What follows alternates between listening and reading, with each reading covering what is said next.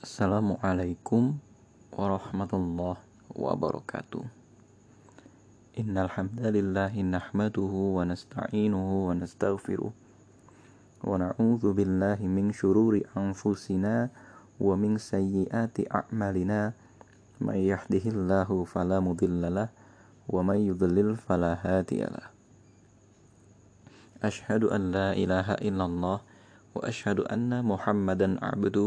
rasuluhu la nabiyya ba'da. Allahumma salli ala Muhammad wa ala ali Muhammad kama sallaita ala Ibrahim wa ala ali Ibrahim innaka Hamidum Majid.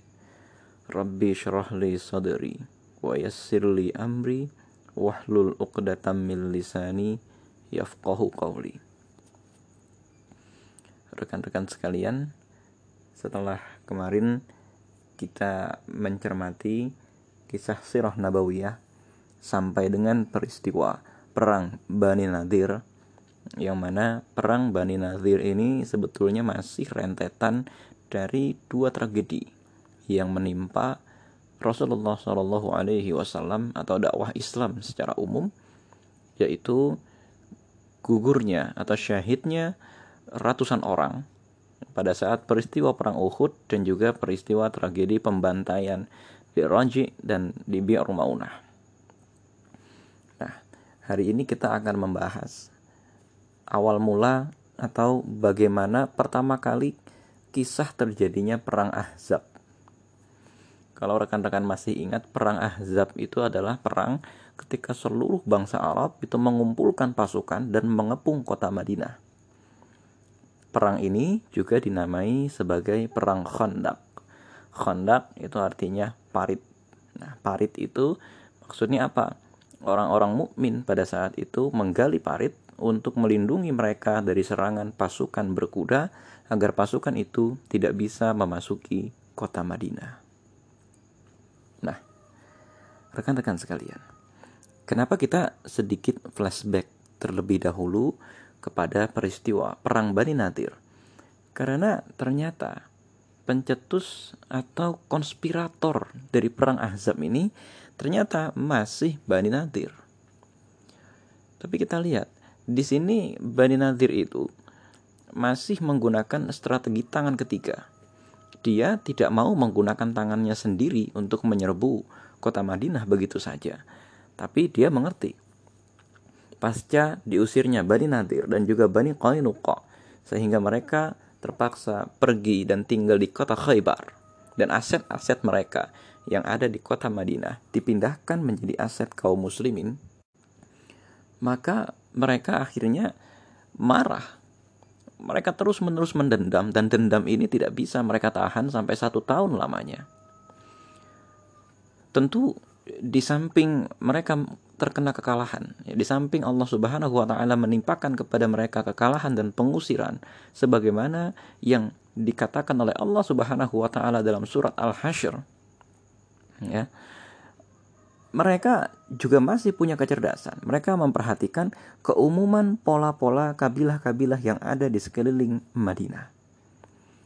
Jadi mereka ini diusir dari Madinah, tapi mereka memperhatikan berita-berita Rupanya dari berita-berita yang ada, tampaknya mereka menyimpulkan bahwa kabilah-kabilah yang ada di sekeliling kota Madinah masih belum bisa make a deal atau belum bisa diklaim oleh Rasulullah Shallallahu Alaihi Wasallam sebagai sekutu Madinah. Ini tentu saja merupakan sebuah modal yang baik sekali.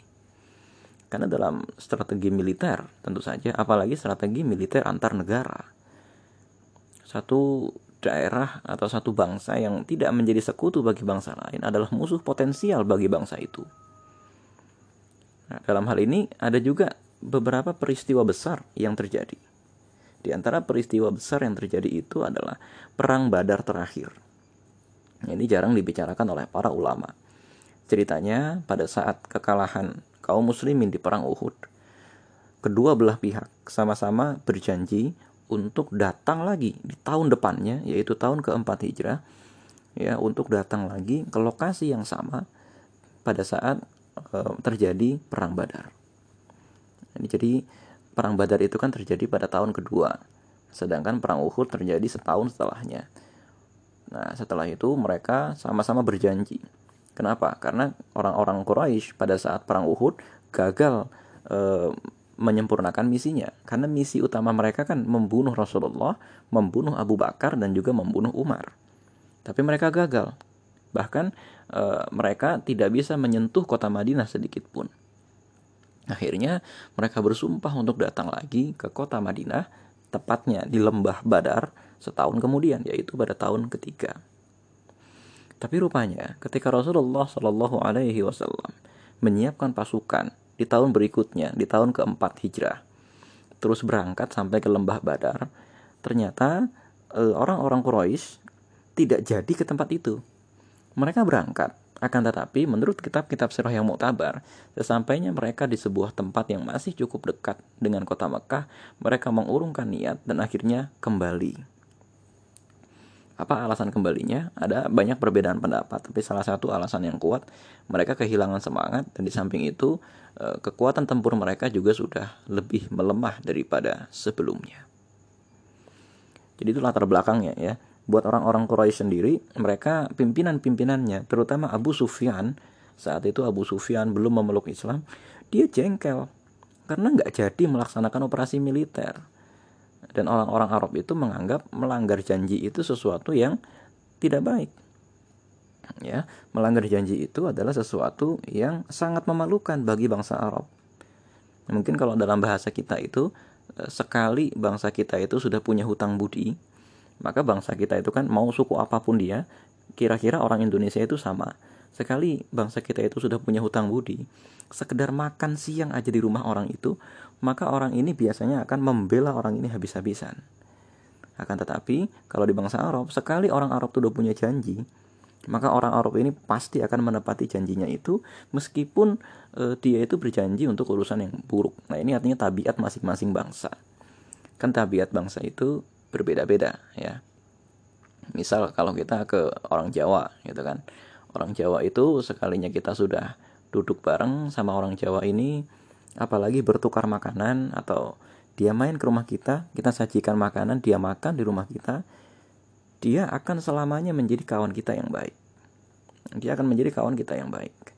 Tentu saja ini kejadian kepada orang-orang Jawa yang masih murni, ya, artinya belum uh, dia dia bukan orang jahat. Begitu juga kira-kira orang Quraisy. Jadi jangan dibayangkan orang Quraisy itu orang-orang yang keji dalam artian tidak berperadaban. Mereka ini berperadaban cuma dasar peradabannya itu aja keliru. Nah jadi di lingkungan orang-orang Yahudi sudah ada dendam seperti itu di lingkungan orang-orang Quraisy juga sudah ada dendam seperti itu. Nah kemudian gitu ya di saat yang sama orang-orang atau kabilah-kabilah selain orang Yahudi dan selain orang Quraisy kan tentu saja mereka memperhatikan kemajuan apa yang terjadi di kota Madinah dan kemajuan apa yang juga terjadi di kota Mekah. Mereka memandang di kota Madinah ini ada kemakmuran yang luar biasa yang muncul setelah orang-orang muslim menaklukkan Bani Nadir. Yang kedua, jelas mereka juga merasa terancam dengan persatuan yang dibangun oleh Rasulullah Shallallahu Alaihi Wasallam. Karena ciri-ciri bangsa yang nantinya akan menjadi bangsa yang besar adalah bangsa itu berhasil mempersatukan semua elemennya. Ini kita lihat baru tahun keempat ya sedangkan mereka tahu baru saja 8 atau 10 tahun yang lalu mereka melihat terjadi perang saudara yang besar sekali antara elemen-elemen bangsa di kota Madinah. Perang apa itu? Ya, tentu kita masih ingat yang namanya perang Buat. Perang antara orang-orang Khazraj dengan orang-orang Aus. Nah, ini latar belakangnya. Dan mereka kaget tentu saja kalau ada orang udah lama nggak pergi ke kota Madinah. Kemudian tiba-tiba dia pergi ke kota Madinah, mereka kaget karena orang-orang Aus dan orang-orang Khazraj sudah bersatu dan bahkan bisa memenangkan peperangan melawan sebuah kota besar yaitu kota Madinah dan bahkan mengeliminasi suku atau mengeliminasi elemen bangsa yang tadinya menindas mereka. Siapa itu? Orang-orang Yahudi. Karena orang-orang Yahudi itu kan tadinya memang menindas mereka secara ekonomi maupun secara kasta. Karena orang Yahudi menganggap agama mereka memang lebih baik. Dalam hal ini memang agama Yahudi dengan kitab Taurat lebih baik daripada agama lama kota Madinah. tapi tabiat orang-orang Yahudi itu yang menyebabkan akhirnya agama Yahudi atau agama Islam yang dibawa oleh Nabi Musa alaihi salam rusak. Mereka mengganti kata Allah Subhanahu wa taala dalam surat Al-Baqarah, mereka mengganti kitab Taurat dengan kitab yang mereka buat-buat sendiri. Mereka lemparkan kitab yang lama, mereka buat kitab yang baru. Nah, artinya suku-suku di sekitar kota Madinah itu melihat wah ini ada kemajuan dan ini mengancam kedudukan mereka. Apalagi mereka tahu eh, kemajuan yang ada di kota Madinah ini bukan kemajuan yang sifatnya didapatkan dari mengutamakan salah satu suku atau kepemimpinannya juga bukan berdasarkan siapa yang paling kuat, bukan berdasarkan siapa yang paling punya harta, tapi berdasarkan ide ya yang datangnya dari Rasulullah Shallallahu Alaihi Wasallam dan juga wahyu terutama gaya kepemimpinan Rasulullah itu kan gaya kepemimpinan wahyu. Yang seperti ini tidak akan bisa dipahami oleh orang-orang yang selama ini terbiasa dengan model kepemimpinan berdasarkan dinasti atau model kepemimpinan berdasarkan uh, modal kapitalistik gitu ya siapa yang paling kaya dia akan memimpin atau yang seperti ini juga tidak akan bisa dipahami oleh eh, orang-orang uh, yang terbiasa dengan model kepemimpinan militeristik Siapa yang paling punya pasukan, siapa yang paling kuat dan bengis, dia akan memimpin. Nah, ini tentu saja lama-kelamaan akan mengancam orang-orang di sekitar kota Madinah. Nah, apa hubungannya dengan eh, orang-orang uh, Yahudi tadi? Bani Nadir. Nah, orang-orang Bani Nadir ini ketika mereka merasa ada ancaman, gitu ya, akhirnya uh, mereka ini mendatangi kaum Quraisy karena mereka tahu siapa yang bisa dijadikan sekutu Nah, tampaknya mereka menganggap orang-orang yang bisa dijadikan sekutu dalam hal ini yang sudah menjadi musuh bebuyutan selama beberapa lama adalah orang-orang Quraisy. Nah, orang-orang Yahudi, ya sekitar 20 pemimpin Yahudi sama menteri-menterinya gitu ya. 20 pemimpin Yahudi termasuk di antaranya Sam, Salam bin Abil Huqaiq ya. Eh, Salam bin Abil Huqaiq dan juga uh, Ka'ab bin Ashraf gitu ya dan lain-lain sebagainya. Eh, mereka ini ya rekan-rekan sekalian uh, ternyata kemudian mereka ini mengompori gitu loh mengompori orang-orang Quraisy karena mereka tahu pasukan terbesar yang dimiliki oleh bangsa Arab sekarang yang punya pengalaman melawan Rasulullah Shallallahu Alaihi Wasallam dan mudah dibakar itu orang-orang Quraisy. Nah ini ya rekan-rekan sekalian. Maka mereka sekitar 20 orang itu berangkat kepada orang-orang Quraisy. Ya, mereka berangkat menuju orang-orang Quraisy dan berlangsunglah negosiasi. Sebagaimana diduga, orang-orang Quraisy tidak akan keberatan. Orang-orang Quraisy ini tidak keberatan dan kemudian memang mengumpulkan pasukan militer besar yang motifnya terutama adalah untuk menghancurkan kota Madinah. Jadi motifnya nggak ada motif ideologi sama sekali. Memang motifnya mereka ini ya perang saja mereka kesel ingin menghancurkan Rasulullah Shallallahu Alaihi Wasallam. Segala ajaran agama lama yang mereka anut itu kan sebenarnya agama tipu-tipu saja. Ya, ideologi lama itu kan ideologi tipu-tipu yang dibuat untuk mengekalkan kapitalisme yang terjadi di kota Mekah. Nah, sampai di sini ya rekan-rekan sekalian, tiba-tiba dalam percakapan orang Quraisy dan orang-orang Yahudi itu, orang-orang ya Quraisy bertanya, siapa yang lebih baik? Ini dalam negosiasi. Siapa yang lebih baik? Kami, ya agama kami yang menyembah Hubal, Lata, Manat, Uzza dan lain sebagainya itu atau agama orang itu, orang yang hina itu yang ada di kota Madinah. Nah, maka kemudian orang-orang Yahudi menjawab, ya kan? Nah, orang-orang Yahudi ini menjawab, e, jelas yang lebih baik adalah kalian. Jelas yang lebih baik adalah kalian. Allah Subhanahu wa taala kemudian mengabadikan hal ini dalam surat An-Nisa ayat 51. Alam tara ilal ladzina utu nasibam minal kitab yu'minuna bil jibti wat taghut. Nah, gitu. Wa yaquluna lil ladzina kafaru haulaika ahda minal ladzina amanu sabila.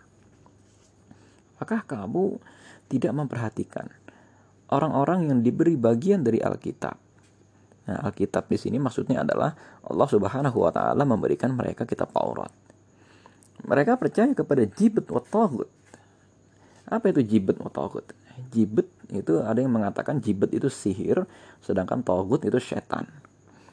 Nah, kalau teman-teman masih ingat gitu ya, jibet itu maksudnya adalah orang-orang Yahudi itu memang mengembangkan sihir. Dan memang beberapa kali e, mereka mengancam kepada orang-orang muslim untuk menyihir. Sampai-sampai Allah Subhanahu wa taala menurunkan e, surat Al-Baqarah ayat 102 واتبعوا ما تتلو الشياطين على ملك سليمان وما كفر سليمان ولكن الشياطين كفروا يعلمون الناس السحر وما أنزل على الملكين ببابل هاروت وماروت jadi Allah Subhanahu wa taala menerangkan bahwa mereka lebih memilih sihir ya daripada uh, Al-Qur'an atau daripada Taurat mereka sendiri. Jadi dalam negosiasi itu ternyata mereka e, membenarkan orang-orang Quraisy bahwa ajaran agama Quraisy lebih baik daripada ajaran agama Islam. Nah, dalam hal ini tentu saja ini tercela mereka. Ya, mereka ini sangat e, e, menjual agama mereka dengan harga yang murah karena apa? Mereka sudah dikuasai dendam. Jadi orang-orang Yahudi ini sudah dikuasai dendam sampai-sampai menghalalkan segala cara. Yang penting orang Quraisy mau bersekutu dengan mereka orang Quraisy dengan orang Yahudi akhirnya dari situ menyusun kesepakatan militer untuk sama-sama menyerang Rasulullah Shallallahu Alaihi Wasallam. Tapi mereka kurang, mereka merasa ini kurang, pasukan ini kurang karena orang-orang Yahudi pasti lebih kenal kota Madinah, ya melihat semangat orang-orang e, Muslim dan juga melihat kondisi pembangunan kota Madinah yang penuh dengan benteng, mereka menganggap ini kurang. Maka akhirnya mereka menuju ke kabilah Gotofan. Nah, kabilah-kabilah Gotofan ini adalah kabilah cabang dari cabang apa dari cabang bangsa Arab yang lain.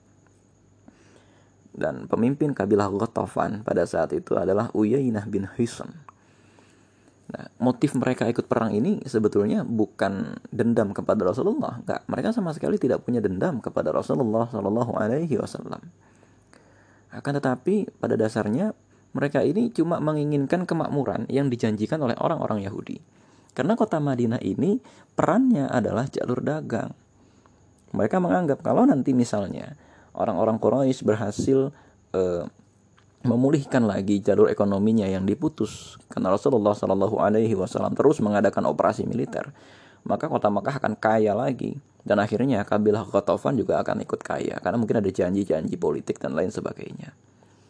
Untuk sekedar informasi, uh, Rasulullah Shallallahu Alaihi Wasallam pasca perang Uhud itu terus melakukan operasi-operasi militer untuk menjaga daerah perbatasan. Kenapa kok daerah perbatasan ini dijaga terus? Karena itulah tempat lewatnya kafilah-kafilah dagang orang Quraisy. Sebagaimana kalau sekarang rekan-rekan melihat konflik yang terjadi di Laut Cina Selatan atau konflik yang terjadi di daerah Syam misalnya atau konflik yang terjadi di daerah Asia Tengah. Semua konflik itu rata-rata e, terjadi karena apa? Karena daerah-daerah itu merupakan daerah tempat lewatnya kafilah dagang.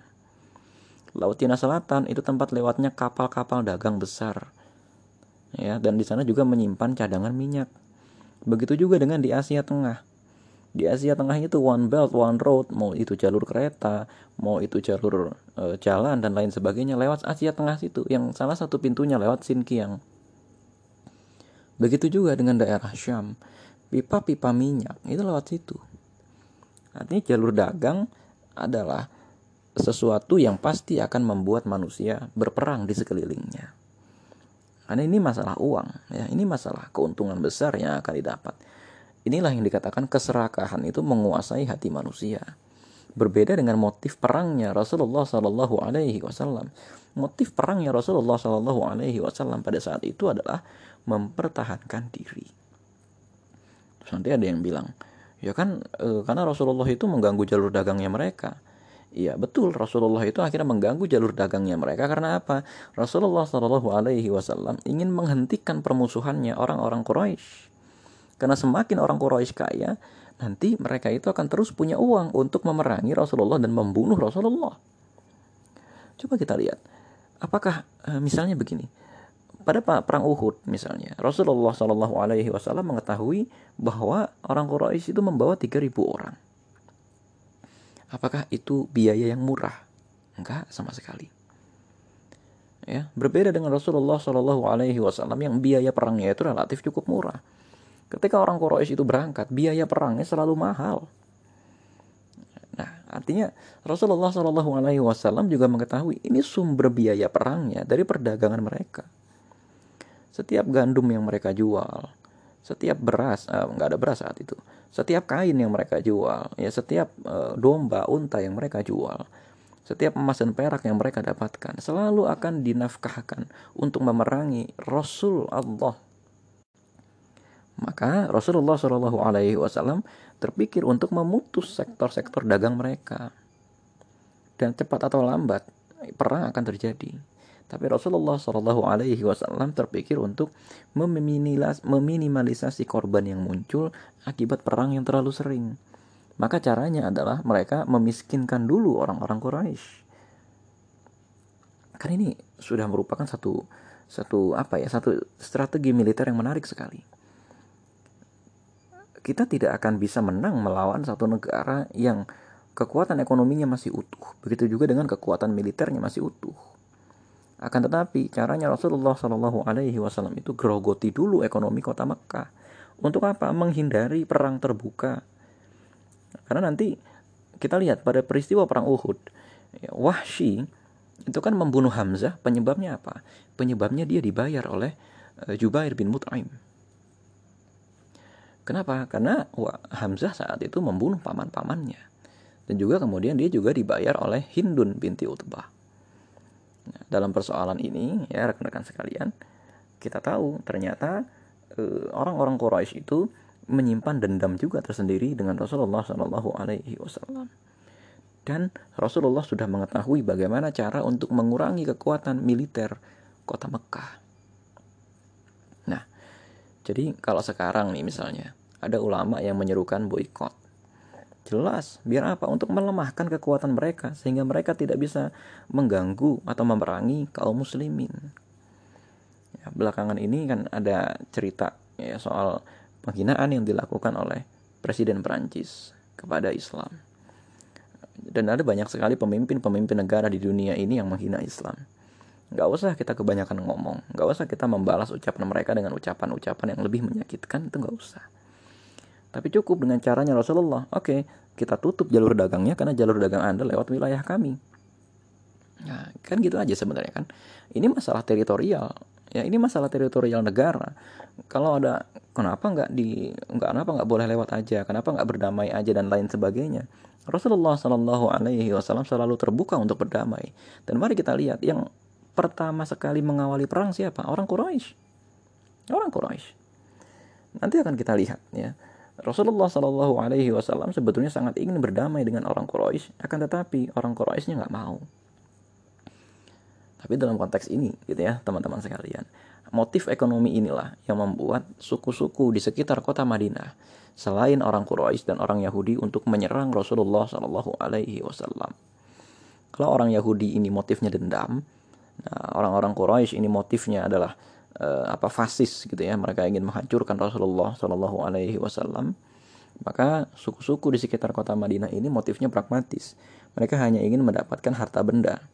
Nah motif yang semacam ini itu mudah sekali untuk uh, dibuyarkan. Sejak awal sebetulnya begitu. Tahsabuhum wa qulubuhum syatta. Ya, kita melihat seakan-akan mereka itu kompak bersatu padu dan lain sebagainya asalkan kita mau bersabar pasti ada cara untuk memecah belah mereka. Bagaimana cara memecah belahnya? Hanya keimanan. Ya, kita mari kita lihat. Ketika semua bangsa itu berkerumun untuk menghancurkan bangsa kita dan jelas kita lihat bangsa itu lebih kaya meskipun bangsa kita ini sebenarnya kaya tapi kekayaan kita ini kan bentuknya modal kekayaan kita ini kan masih terpendam di lautan ya masih ada terpendam di gunung-gunung masih harus digali masih harus diolah dan lain sebagainya meskipun orang-orangnya miskin dalam posisi yang seperti itu, bangsa-bangsa di seluruh dunia akan berkerumun untuk memangsa bangsa kita. Dan e, cara yang terbaik untuk mempertahankan negara kita itu perkuat dulu solidaritas internal. Satukan dulu orang-orangnya dengan apa? Dengan keimanan. Itu yang paling efektif. Rasulullah Shallallahu Alaihi Wasallam mampu menyatukan kaum muslimin. Rasulullah Shallallahu Alaihi Wasallam memulainya dengan mendamaikan dua suku yang sedang berperang di internal kota Madinah. Sekarang justru ada sebagian elemen bangsa kita itu yang menerima uang untuk apa? Untuk sengaja membuat sesama elemen bangsa itu berperang. Dibuatlah istilah-istilah baru. Islam populis, ya Islam berkemajuan, Islam berini, Islam beritu, dan lain-lain sebagainya. Ormas itu tidak menyumbang uh, angka perpecahan. Justru ormas itu berjasa agar membuat orang-orang itu semakin paham bahwa apa? Bahwa Islam itu menyatukan mereka. Karena setiap ormas di Indonesia itu punya lembaga pendidikannya sendiri-sendiri. Tapi ada oknum-oknum ulama ada oknum-oknum orang yang memang tampaknya dia tidak menyadari bahwa dirinya fatwanya, ucapan-ucapannya itu berkonsekuensi memecah belah umat sehingga akhirnya bangsa kita gampang diadu domba. Sesama umat muslim itu gampang diadu domba. Kan gitu. Ya, dan Rasulullah Shallallahu alaihi wasallam justru melakukan cara sebaliknya. Rasulullah itu menyatukan semua elemen muslim Rasulullah Shallallahu Alaihi Wasallam menyatukan semua elemen bangsa di kota Madinah dengan apa? Dengan perjanjian apa piagam Madinah. Kita kembali ke masalah perang Ahzab. Nah, ketika kaum musyrikin yang bersatu padu, mereka sepakat ini mengangkat Abu Sufyan sebagai pemimpin perang mereka, gitu ya. Jadi Abu Sufyan ini punya cara kepemimpinan yang cukup canggih di masanya gitu ya sehingga dia dipercaya menjadi kepala pasukan militer dan kemudian ketika kaum musyrikin ini yang kira-kira jumlahnya sekitar 10 sampai 12 ribu orang ini berangkat ke kota Madinah, kabar ini pun terdengar oleh Rasulullah Shallallahu Alaihi Wasallam melalui berbagai cara. Ada yang melalui wahyu dan juga detailnya itu melalui telik sandi yang disebar di sekeliling kota Madinah. Akhirnya mereka pun menjalankan musyawarah. Nah saat itu di kota Madinah gitu ya ada satu lagi kaum Yahudi yang tersisa yang jumlahnya cukup banyak sekitar 1000 sampai 2000 orang. Nah, jadi mereka ini adalah kaum Yahudi Bani Quraidah. Nah Rasulullah Shallallahu Alaihi Wasallam sengaja nggak ngajak kaum Bani Quraidah untuk uh, berperang karena apa? Rasulullah tahu motif mereka ketika berperang tidak sekuat motif kaum Muslimin ketika berperang. Di samping itu, Rasulullah juga tidak mau berutang budi atau punya utang militer kepada rekan-rekan yang diajaknya bersekutu. Karena apa? Repot nanti namanya sekutu militer itu sudah pasti tersandera. Nah, kita lihat seperti yang ada di Syam, Turki ya dengan Amerika itu bersatu. Untuk apa? Untuk menggulingkan ISIS. Tapi kemudian Turki dengan Rusia ya, juga bersatu. Untuk apa? Untuk mengusir eh, apa namanya Basar al-Assad apa kayak kebalik ya justru uh, Rusia Iran dan Turki itu kan ingin mengekalkan kekuasaan Basar al-Assad. Nah, pokoknya udah ribet sekali lah di Syam itu gitu ya. Akhirnya kenapa yang terjadi? Eh, negara-negara Islam yang ada di sekitar Suriah itu akhirnya punya hutang budi dengan musuh-musuh Islam. Dan ketika musuh-musuh Islam itu melakukan aneksasi lebih jauh kepada daerah kekuasaan Islam mereka nggak akan bisa berbuat apa-apa maka Rasulullah Shallallahu Alaihi Wasallam bermusyawarah dan tidak mengajak orang-orang Yahudi, meskipun saat itu orang-orang Yahudi juga berkewajiban untuk melindungi negerinya.